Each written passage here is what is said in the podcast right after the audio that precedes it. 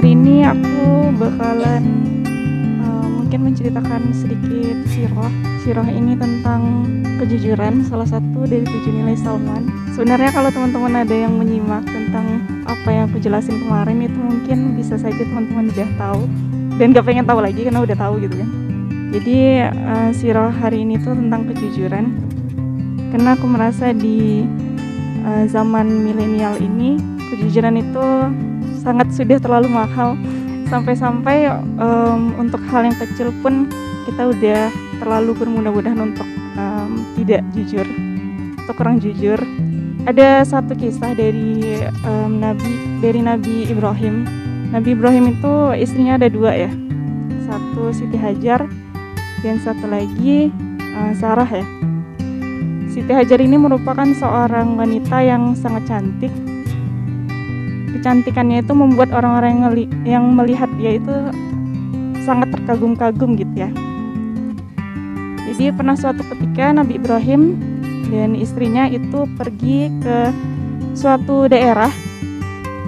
Kalau sekarang kita nyebutnya itu daerah Mesir di bagian Afrika Utara ya. Jadi kemudian eh, Nabi Ibrahim ini tahu bahwa di tempat tersebut itu terdapat seorang raja raja yang sangat buruk sifatnya yang suka untuk mengambil istri dari uh, suami lain dari orang lain gitu ya. Suka merebut istri orang gitu. Kalau kita nyebutnya sekarang pelakor ya? Eh bukan. Kalau pelakor untuk laki-laki ya kalau ini untuk perempuan. Nah jadi kebetulan Nabi Ibrahim dan istrinya itu bertemu dengan antara prajurit entah langsung rajanya ya. Jadi prajuritnya ini meminta Nabi Ibrahim bertanya dulu nih kepada Nabi Ibrahim.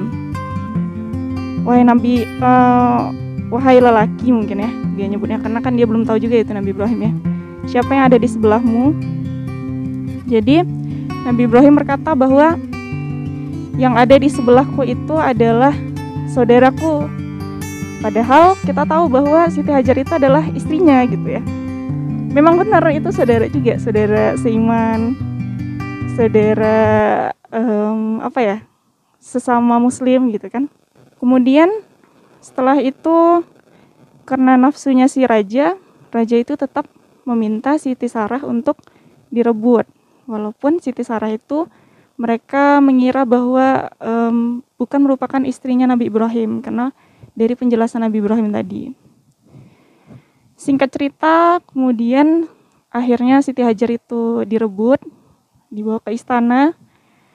Dan yang um, mau aku perjelas di sini adalah ketika nanti di padang masyar, ketika manusia itu ingin mencari syafaat untuk mencari pertolongan, manusia itu pertama-tama datang kepada Nabi Adam dulu ya.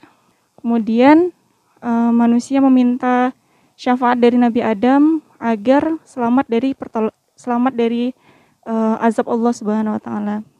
Kemudian Nabi Adam pun uh, merasa tidak bisa untuk memberikan syafaat kepada manusia. Kenapa? Karena Nabi Adam merasa bersalah. Beliau punya kesalahan yaitu sudah memakan buah yang Allah larang untuk dimakan ketika di surga. Buah ini ya, kalau dalam Al-Quran. Karena Allah nyebutnya buah ini. Yang bilang buah, apa namanya? Bukan. yang bilang buah kuldi itu setan, iblis. Bukan Allah ya. Jadi Jadi bukan Allah yang bilang itu buah kuldi gitu ya. Itu saya, itu iblis yang nyebut. Nah, jadi karena Adam itu merasa bersalah sudah makan buah yang Allah larang, Nabi Adam merasa bahwa beliau tidak bisa menyelamatkan manusia um, dari syafaatnya. Kemudian lanjutlah manusia mencari syafaat dari nabi-nabi yang lain, lanjut ke Nabi Idris, dan seterusnya ke Nabi Ibrahim. Ketika sampai di Nabi Ibrahim, uh, Nabi Ibrahim pun berkata seperti ini, um, aku tidak bisa juga memberikan syafaat. Karena aku merasa bahwa aku sudah melakukan satu kesalahan. Kesalahannya apa?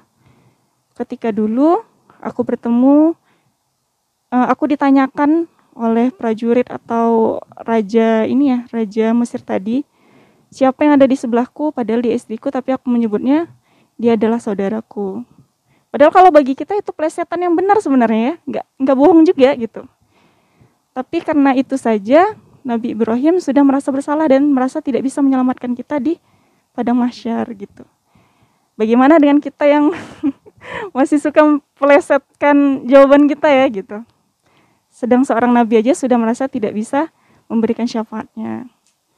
Jadi jadi alangkah um, beruntungnya kita jika kita masih berhati-hati untuk mengeluarkan ucapan kita untuk berlisan.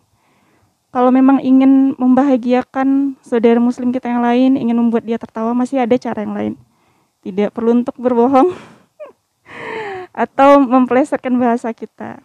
Rasulullah juga pernah bercanda dan membuat uh, saudaranya tertawa tapi tidak dengan berbohong gitu ya sebenarnya itu miris sih menurut aku tapi karena kita sudah menganggapnya biasa dan juga tidak ada yang uh, menegur hal itu jadi rasanya tuh ya udah benar aja nggak apa-apa. Semoga nanti uh, kita bisa lebih berhati-hati lagi. Dan bisa saling mengingatkan karena sejatinya manusia itu tempat salah ya. Orang yang menasehati pasti juga akan punya salah. Dan bisa jadi nanti dia dia melakukan kesalahan yang pernah dia uh, nasihati untuk orang lain gitu. Jadi um, sebaik baiknya kita itu adalah saling mengingatkan karena itu juga merupakan hak sesama saudara muslim hak sama saudara muslim itu ada beberapa boleh aku sebutin juga yang aku ingat yang pertama ketika saudara kita itu bersin alangkah baiknya kita memberikan doa. Terus kemudian ketika ada yang sakit itu dijenguk. Dan ketika ada yang meminta nasihat atau e, melakukan kesalahan sebaik, sebaiknya dinasehati dengan cara yang tepat dan baik sesuai adabnya jangan sampai menyinggung. Kalau bisa dibisikkan ya bisikan aja, nggak masalah.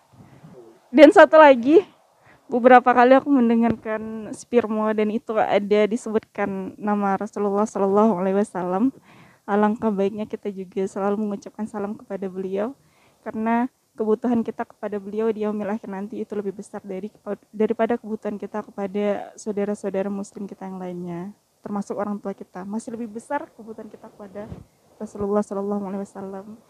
Semoga dari uh, salawat dari salam yang kita selalu sampaikan kepada beliau itu beliau mau berkenan menganggap kita sebagai umat akhir nanti memberikan syafaatnya dan mengizinkan kita minum di telaganya ketika kita sangat benar-benar haus di sana. Dan itu adalah hal yang nyata dan bakal akan kita. Alami Assalamualaikum warahmatullahi wabarakatuh. Semoga bermanfaat